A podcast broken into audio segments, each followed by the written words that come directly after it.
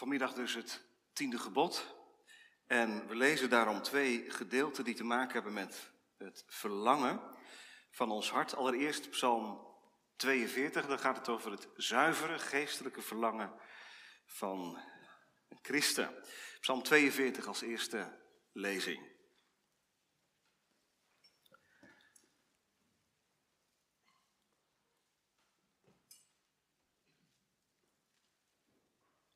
Voor de koorleider een onderwijzing van de zonen van Korach. Zoals een hert schreeuwt naar de waterstromen, zo schreeuwt mijn ziel tot u, o God. Mijn ziel dorst naar God, naar de levende God. Wanneer zal ik binnengaan om voor Gods aangezicht te verschijnen? Mijn tranen zijn mij tot voedsel dag en nacht, omdat ze de hele dag tegen mij zeggen: Waar is uw God? Hieraan denk ik en ik stort mijn ziel in mij uit. Hoe ik meeging in de stoet en met een optrok naar Gods huis onder luide vreugde, zang en lofliederen. Een feest vieren de menigte. Wat buigt u zich neer, mijn ziel, en bent u onrustig in mij? Hoop op God, want ik zal hem weer loven, voor de volkomen verlossing van zijn aangezicht. Mijn God, mijn ziel buigt zich neer in mij. Daarom denk ik aan u vanuit het land van de Jordaan en het Hermongebergte, vanuit het Laaggebergte. Watervloed roept tot watervloed, terwijl uw waterkolken bruisen. Al uw baden en uw golven zijn over mij heen gegaan. Maar de Heere zal overdag zijn goede tierenheid gebieden.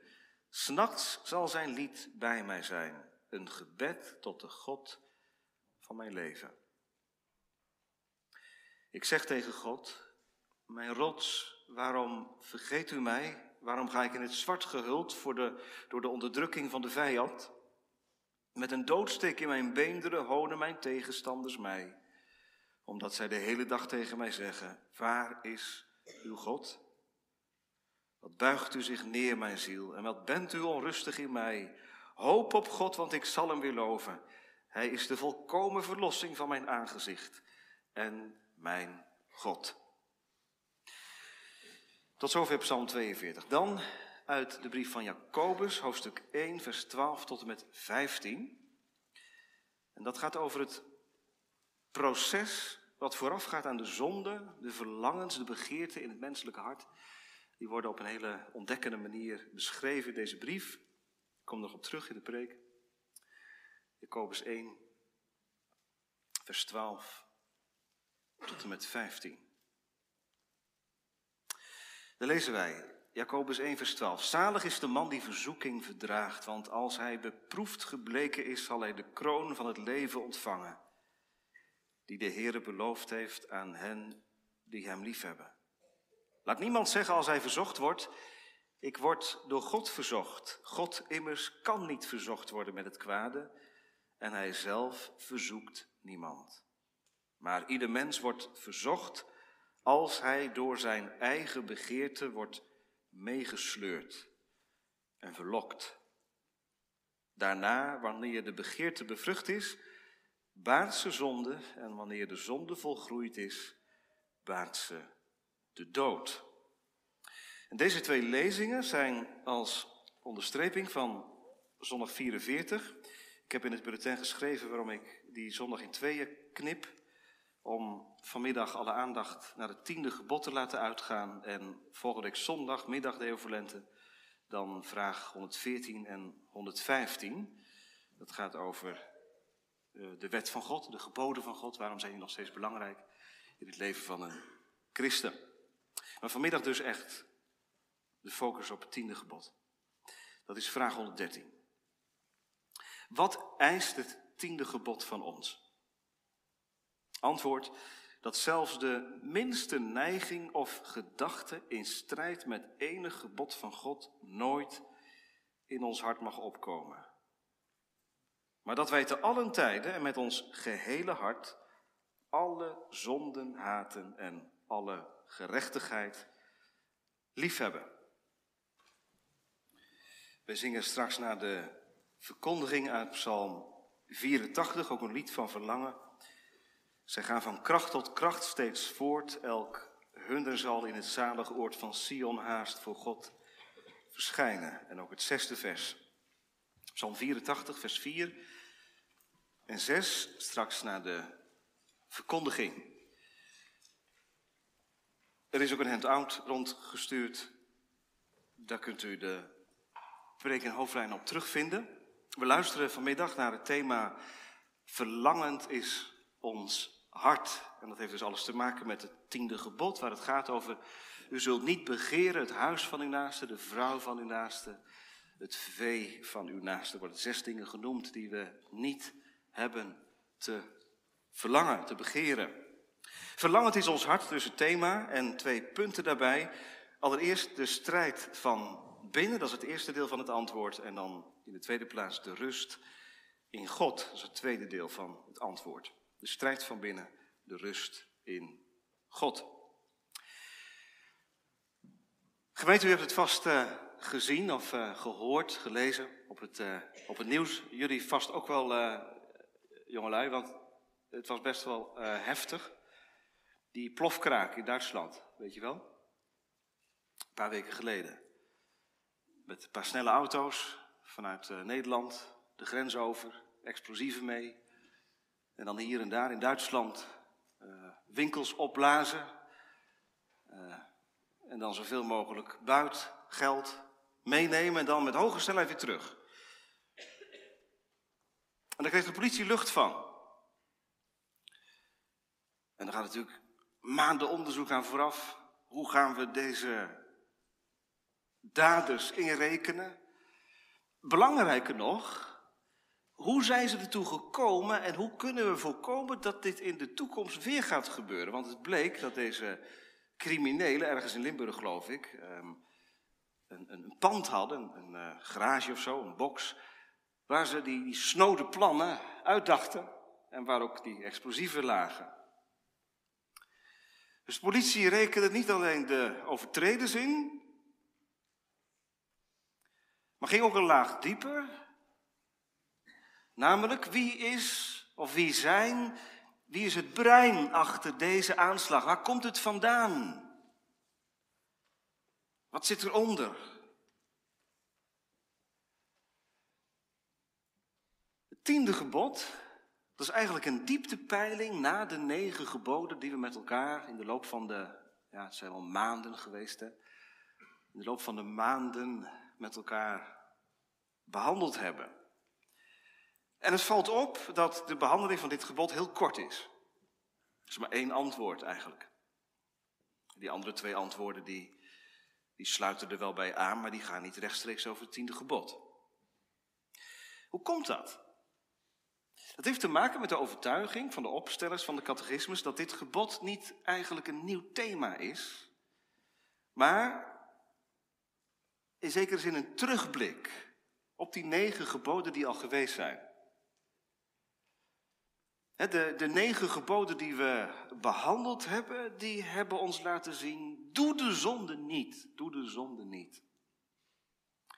En dit gebod zegt eigenlijk, je moet de zonde ook niet willen. Dat gaat nog iets verder dan het alleen niet doen. Want dan heb je dus over het voortraject. Zoals Jacobus dat zo treffend beschrijft, hebben we samen gelezen in Jacobus 1. Dus wat er zich aan de daadwerkelijke zonde wat eraan vooraf gaat. Aan gedachten en fantasieën. Je kunt spelen met ideeën voordat je komt tot een daadwerkelijke overtreding van de zonde. En meteen maar, richting ons leven, de toepassing. Ik weet niet hoe jij s'morgens um, je gebed vormgeeft als het hierom gaat. Zonden. Ik ben van huis uit ook gewend om, om te bidden. Hè. bewaar ons voor de zonde. Misschien weet jij dat ook wel. Heer God, bewaar ons vandaag, bewaar mij vandaag voor de zonde. Geef dat ik de zonde niet zal doen. Maar op basis van het tiende gebod zouden we onze gebeden beter anders kunnen formuleren. Namelijk, stuur mijn verlangens zo dat ik de zonde niet wil. U zult niet begeren. Dus God is niet alleen, ik bedoel het eerbiedig, de agent die met een bord bij je staat als je overdag uh, je werk doet en zegt, hey, kijk uit hè, niet doen hè. Je mag hier 120. Niet te hard rijden. Maar God is door zijn Heilige Geest ook die God die in onze harten werkt en onze verlangens sturen wil, zuiveren wil, heilig wil. Geloof je dat? Dat is een machtig evangelie. Dat God niet alleen de God is die verbiedt, maar ook de God die van binnenuit vernieuwt. Daarom is in de Bijbel zoveel aandacht voor het bewaren van je hart. Kijk uit, pas op voor je hart, wat daar zich in afspeelt en ook wat er allemaal naartoe gaat. Bewaar de uitgangen van je hart. Lezen we in Spreuk. Psalm 139. Heere, doorgrond en ken mij. Reguleer mijn verlangens. Zodat als de zonde zich voordoet, ik geen verlangen heb om te zondigen. Dat kan. Dat er heilige verlangens in je zijn, waardoor die onheilige verlangens overwonnen worden. Ja, dan zitten we meteen bij het hart van het tiende gebod, hè, als het gaat over verlangens. Uh, wij horen iedere zondag, u zult niet begeren. Je zou kunnen zeggen, je zult niet verlangen. En verlangens zijn op zich niet verkeerd, want wij zijn mensen met verlangens, u en ik. Dat is maar goed ook. Stenen kunnen niet verlangen, maar levende wezens wel. Dat is prachtig. Dat wij geschapen zijn met passie. Dat zie je soms ook aan mensen.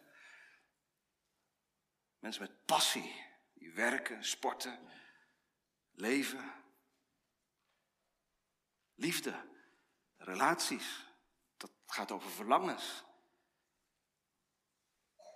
God heeft zelf, hebt u zo wel eens naar het paradijs gekeken voor de zondeval? God heeft zelf in het paradijs bomen laten aanplanten die verlangen opwekten. Zo staat het er.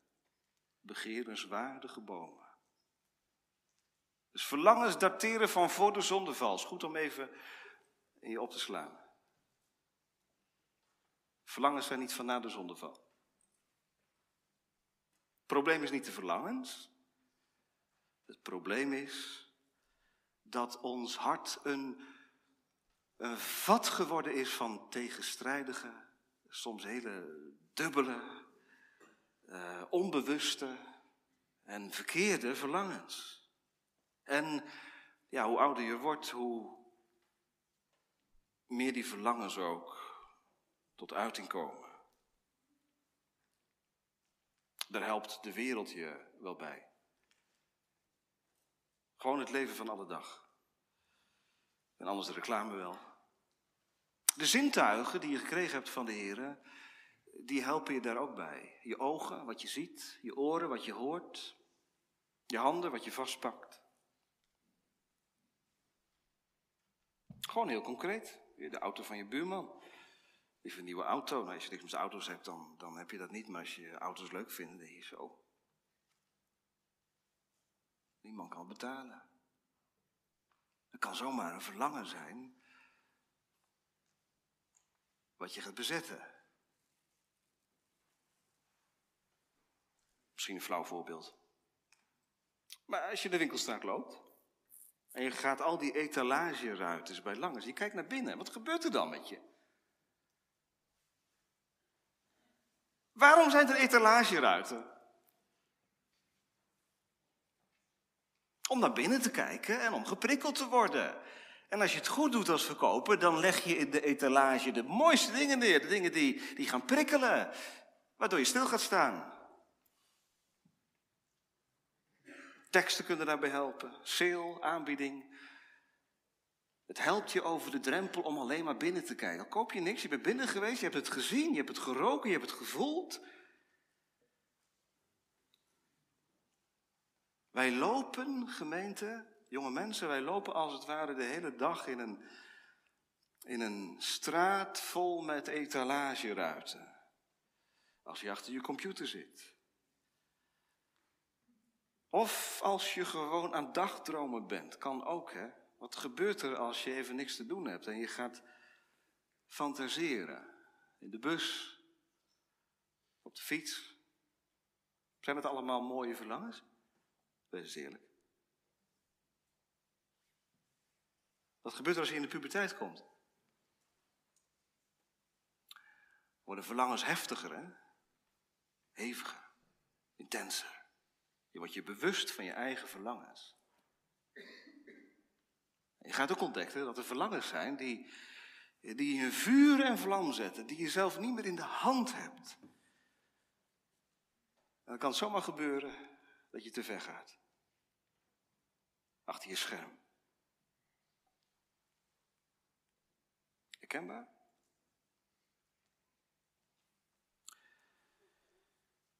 U zult niet begeren. Er worden zes dingen genoemd. Bij het tiende gebod, u zult niet begeren de vrouw van je naaste, het huis van je naaste, nog zijn slaaf, nog zijn slavin, nog zijn rund, nog zijn ezel. En uiteindelijk, totaalconclusie, nog iets wat van uw naaste is. Let erop, het gaat steeds over iets van je naaste. God zegt, het tiende gebod heeft alles te maken met jezelf en met je naaste. Dat is niet zomaar. Het probleem is dat ik graag wil hebben wat een ander ook heeft. En het tiende gebod zegt, zet je zinnen er niet op. Laat die auto, laat die vrouw, laat het huis, laat het interieur van je naaste, van je naaste zijn. Daarmee beschermt God de ander en jezelf.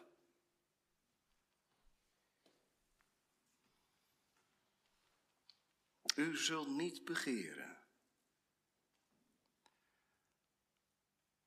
Waarom? Omdat als je je verlangens niet reguleert, je jezelf kapot maakt, je jezelf kapot zondigt.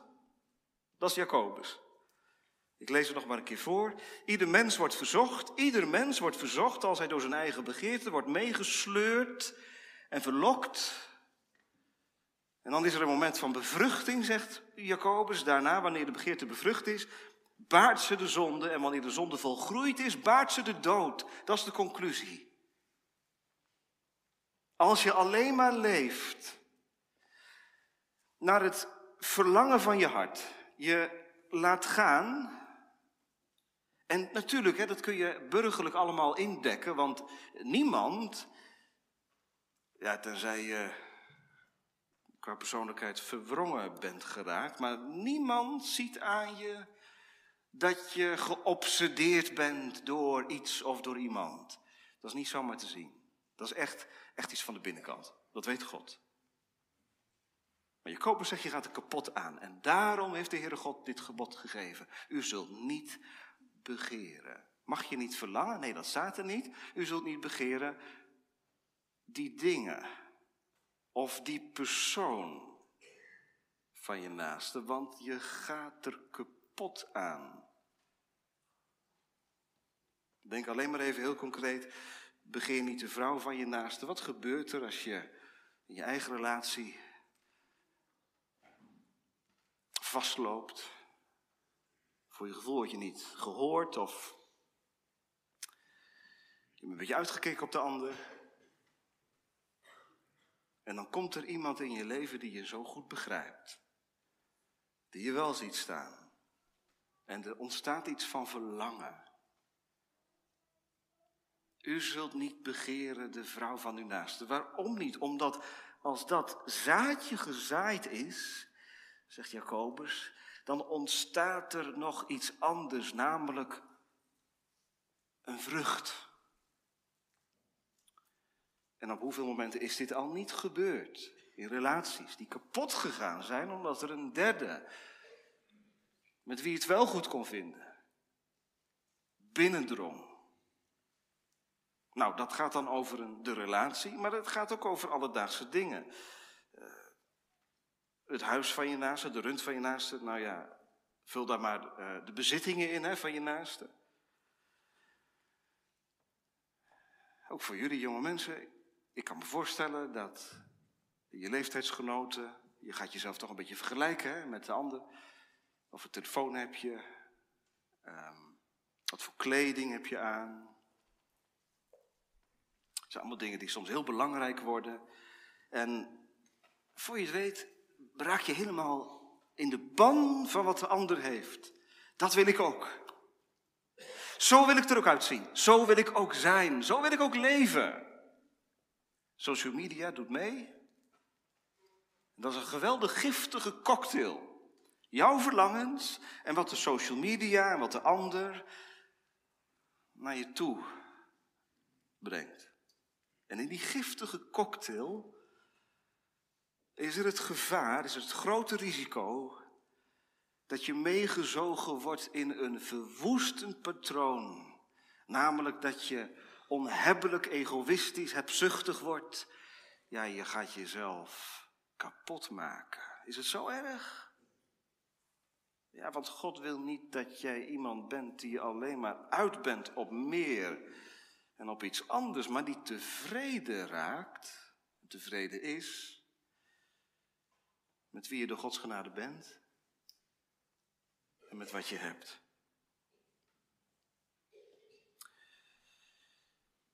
Dit wat ik nu allemaal gezegd heb, dit vindt allemaal voor binnen plaats. Dat hebben we van elkaar niet door. Wij kunnen elkaars gedachten niet lezen, wij kunnen elkaars verlangens niet peilen. Dat is misschien maar goed ook. Terwijl de politie alleen ingrijpt bij doden en bij stelen en bij te hard rijden, grijpt God vanmiddag in tot je behoud door dit gebod vanmiddag je voor te houden. En hij zegt, ik wil je op andere gedachten brengen dan alleen maar gefocust te zijn op wat je om je heen ziet. Dat is de kern van het tiende gebod, dat een mens kapot kan gaan aan wat hij om zich heen ziet en wat geweldig schittert en wat mooi is en wat glanst en glimt. En één ding vergeet, namelijk het opschrift boven de wet. Ik ben de Heere je God, die je uit Egypte land bevrijd hebt. Heb. Ja, zegt iemand maar, hoe moet je dan met die verlangens omgaan? Want ze zijn er wel en ze worden ook geprikkeld. Nou, het lijkt bijbels om te zeggen, je moet die verlangens onderdrukken. Dat je tegen jezelf gaat aanpraten. Zeggen, ik mag die verlangens niet hebben. Ik mag niet begeerig zijn. Ik moet tevreden zijn met wat ik heb en met wie ik ben. Maar dat is stoïcijns.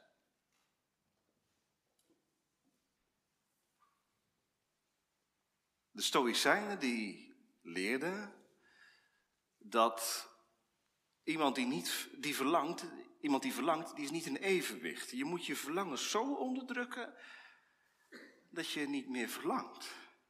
Dat je eigenlijk uh, onderkoeld door het leven gaat. Ik kwam een hele mooie uitspraak bij uh, Melanchthon tegen. En die geef ik u vanmiddag door. Hij zei, een verlangen kan alleen maar overwonnen worden door een sterker verlangen. Stel je wordt verscheurd door verlangens.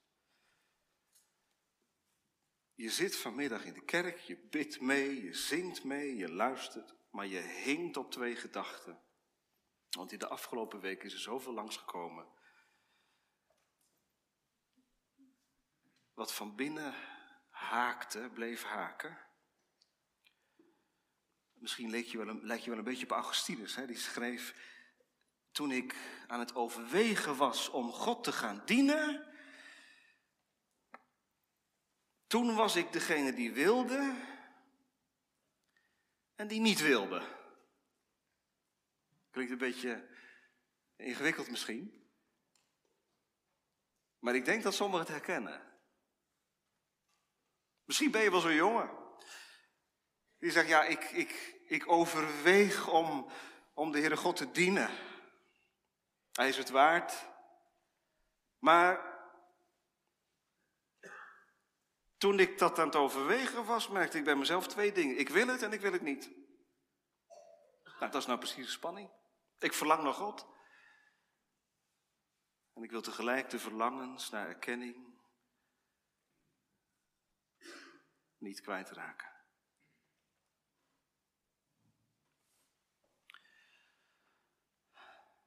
Welke weg moet je dan gaan? Nou, wie is de gebieder vanavond? Wie is degene die dit gebod heeft gegeven? God zelf. Ik heb al gezegd, het opschrift van de wet luidt: Ik ben de Heere, jouw God, die je uit Egypte hebt, hebt bevrijd. Zo ben ik. Weet je wat je vanavond mag doen en alle dagen van je leven, iedere morgen, is Hem je verlangens verwoorden. Psalm 38 zegt dat, hè? Heere, voor u is al mijn begeren bekend. Verwoord het maar. Do, doen jullie dat? Jonge vrienden, doet u dat gemeente? Doen wij dat samen? Heel concreet. Dat we het niet over zonden hebben en over verkeerde dingen, maar dat we het hebben over de moeite die we hebben als we achter de computer kruipen. Om dan beheerst te blijven en niet naar sekssites te gaan. Ben je zo concreet?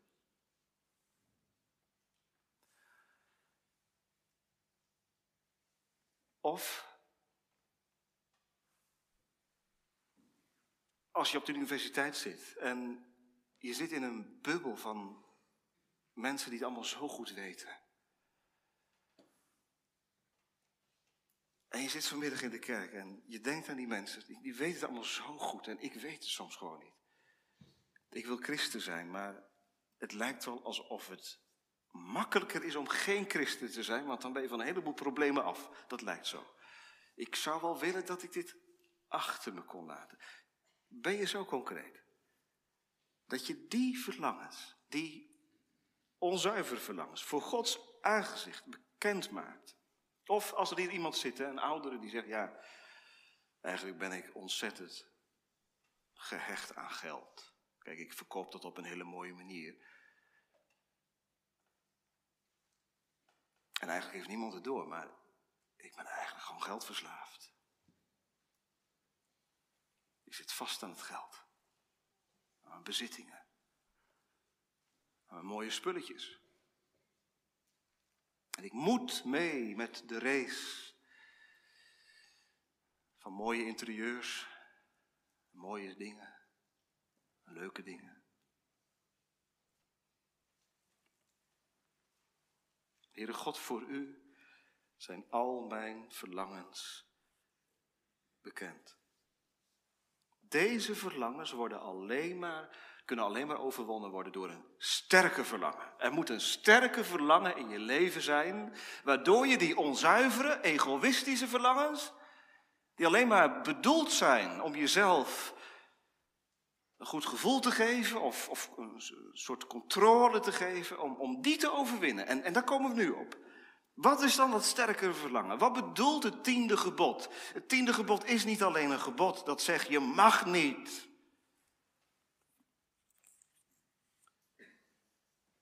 Dat zelfs de minste neiging of gedachte in strijd met enig gebod van God nooit in ons hart mag opkomen. Maar dat wij te allen tijden met ons hele hart alle zonde haten en alle gerechtigheid lief hebben. En in het laatste stukje, daar zit het antwoord op dat sterkere verlangen. Alle gerechtigheid lief hebben. Ik heb dat genoemd de rust in God, de tweede gedachte van de preek. De rust in God. Alle gerechtigheid lief hebben. Hoe kan het nou dat zuivere verlangens, mijn onzuivere verlangens gaan, gaan overwinnen. Nou, weet je wat dat gebeurt? Dat gebeurt daar waar het woord van God open gaat. En ja, dat denk ik toch in de eerste plaats aan de zondag. De kerk is een plaats waar je verlangens geprikkeld worden.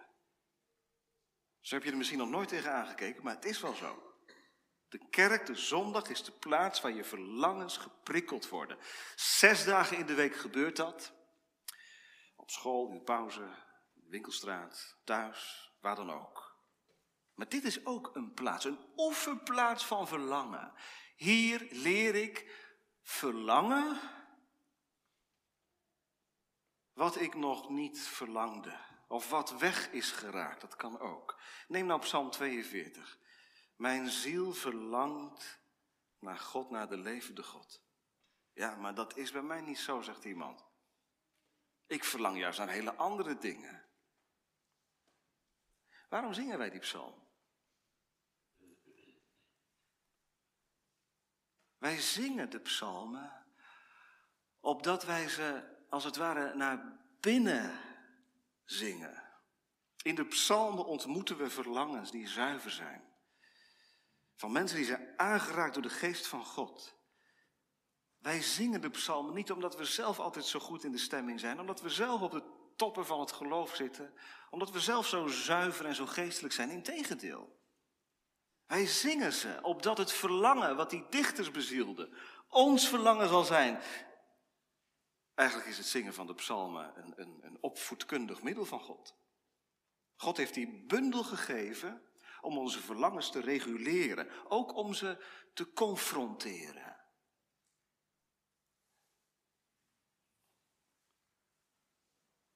En zo is de hele zondag een dag waarop onze verlangens geprikkeld worden. We noemen de kerk toch ook de werkplaats van de Heilige Geest? Ja, het gedachte dat die anderhalf uur zitten, dat dat eigenlijk een passief gebeuren is. Een dominee staat daar een verhaal te houden. En we zingen een paar liederen. En dat is het dan. Maar er is meer aan de hand. De Heilige Geest is aan het werk. En hier is iemand aanwezig die ons onder handen neemt. Dat doet de Heilige Geest.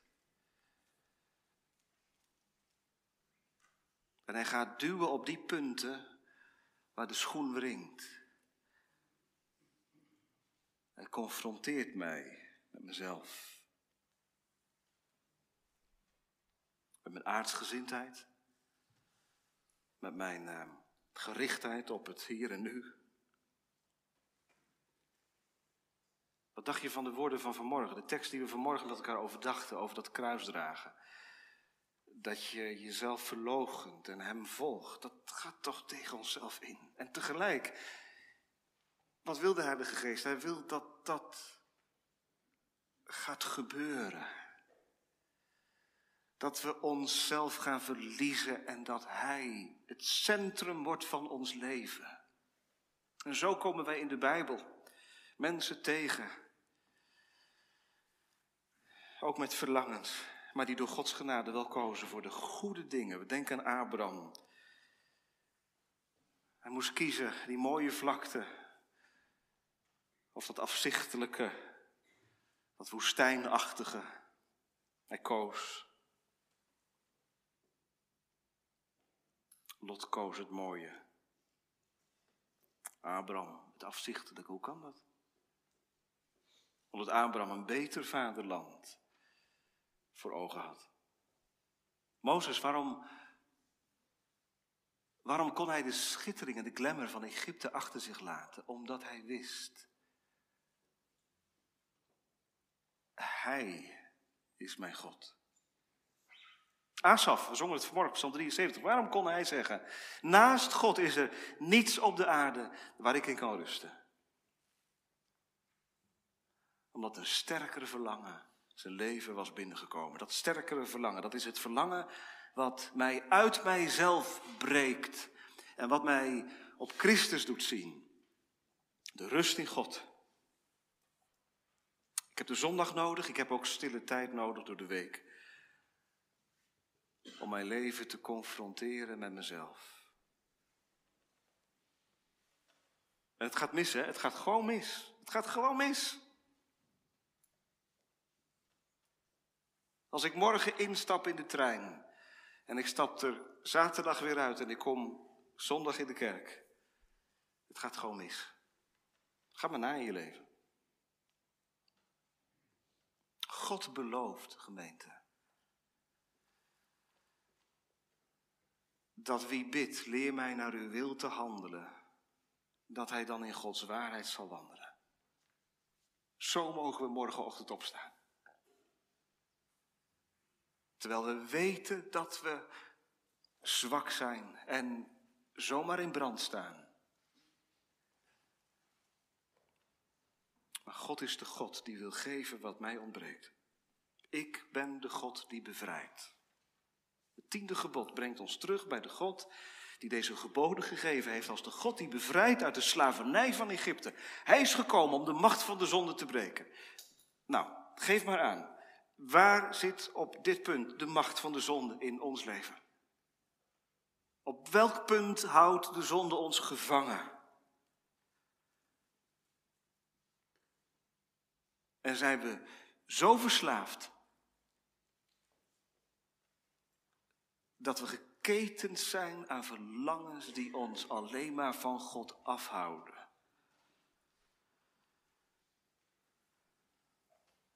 Er is maar één remedie aangesloten te worden op de bron van zuivere verlangens. Dat is de Heer Jezus Christus. Weet je wat je van hem kunt lezen in de Bijbel? Hij begeerde, hij begeerde de wil van zijn vader te doen. Hij had alleen maar zuivere verlangens. Zelfs toen het erom spande in de hof van Gethsemane. Uw wil geschieden. Uw verlangen uw, uw verlangen, o vader, heeft de doorslag. Dat is ook mijn verlangen. Nou, willen wat God wil, is dat, is dat wat, wat de Heilige Geest heeft bovengehaald in je leven? O, Heere, geef dat ik mag lijken op uw Zoon. In het gevecht met de boze. Dat iets van Christus in mij zichtbaar zal worden. Dat ik beleid en beleven pelgrim te zijn. Dat ik niet gek laat maken door de waan van de dag. Maar dat ik een kind van u ben. Vrij van de slavernij van de begeerte. En als ik toch val in zonde, zal ik aan Gods genade niet vertwijfelen. Omdat ik een eeuwig verbond van genade met God heb. Misschien kan het helpen hè, om vanavond, laten we het allemaal voor onszelf eens doen. Laten we allemaal voor onszelf vanavond eens bedenken wat de samenvatting van ons leven zou zijn. Als het vandaag zou eindigen.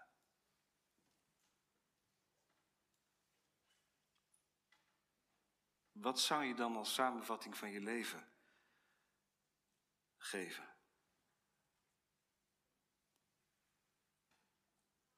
Mensen om je heen kunnen dat wel aangeven, denk ik. Hebben een bepaald beeld van je. Wat is het beeld wat anderen van je hebben?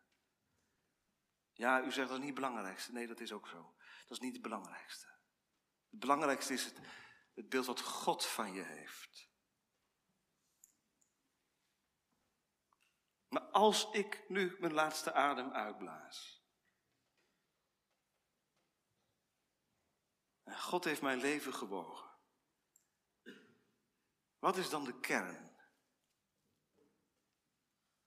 Is dat de hartstocht, de passie voor de gerechtigheid? En die brengt ons bij het kruis, die brengt ons bij Jezus. Is dat het verlangen van mijn hart geworden?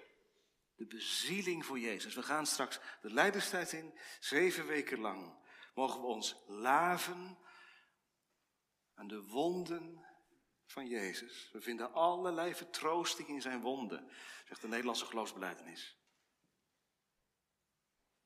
We mogen met elkaar, met dat hartvol tegenstrijdige verlangens, ons naar de middelaar begeven, tot Hem vluchten. En tegen Hem zeggen, dat mag je vanavond doen. Heere God, mijn hart. Het is zo'n complex verhaal. Ik snap mezelf soms niet. Dat ik bezield kan raken door de woordverkondiging, door een lied wat ik zing en dat ik tegelijk ook in vuur en vlam kan raken door het verkeerde. Ik ben een raadsel voor mezelf. Maar wat ligt op de bodem van je hart? In de strijd die je als christen voert, ook met het tiende gebod, u zult niet begeren. Is dat de vrede van God, die je verstand te boven gaat? In Christus Jezus, Heere, met Asaf, u bent mijn rots en mijn deel en mijn eeuwig goed. Wien heb ik nevens u op de aarde? U bent mijn alles. Onze zondige verlangens worden alleen maar overwonnen door een sterke verlangen. En dit verlangen is het sterkste verlangen. Het verlangen naar God. Het verlangen naar zijn heiligdom. Het verlangen naar zijn woord. Het verlangen naar zijn zoon. En het wordt gevoed en onderhouden waar ik het woord van God open. En waar ik met de gemeente samenkom. Wat een geweldige zegen. Dat die zondag geen uh, overloopdag hoeft te zijn om de klusjes te doen waar je door de week niet aan toe kwam. Maar dat het de dag mag zijn waarop de Heilige Geest in mij werkt. Mij wakker maakt, heen en weer schudt. De onzuiverheid van mijn bestaan aanraakt. En mij brengt bij Christus, die zuivere bron van zaligheid. Zo reis ik als pelgrim voort. En ik zing het mezelf in, terwijl er veel is wat de gang eruit kan halen. Ik zing het mezelf in.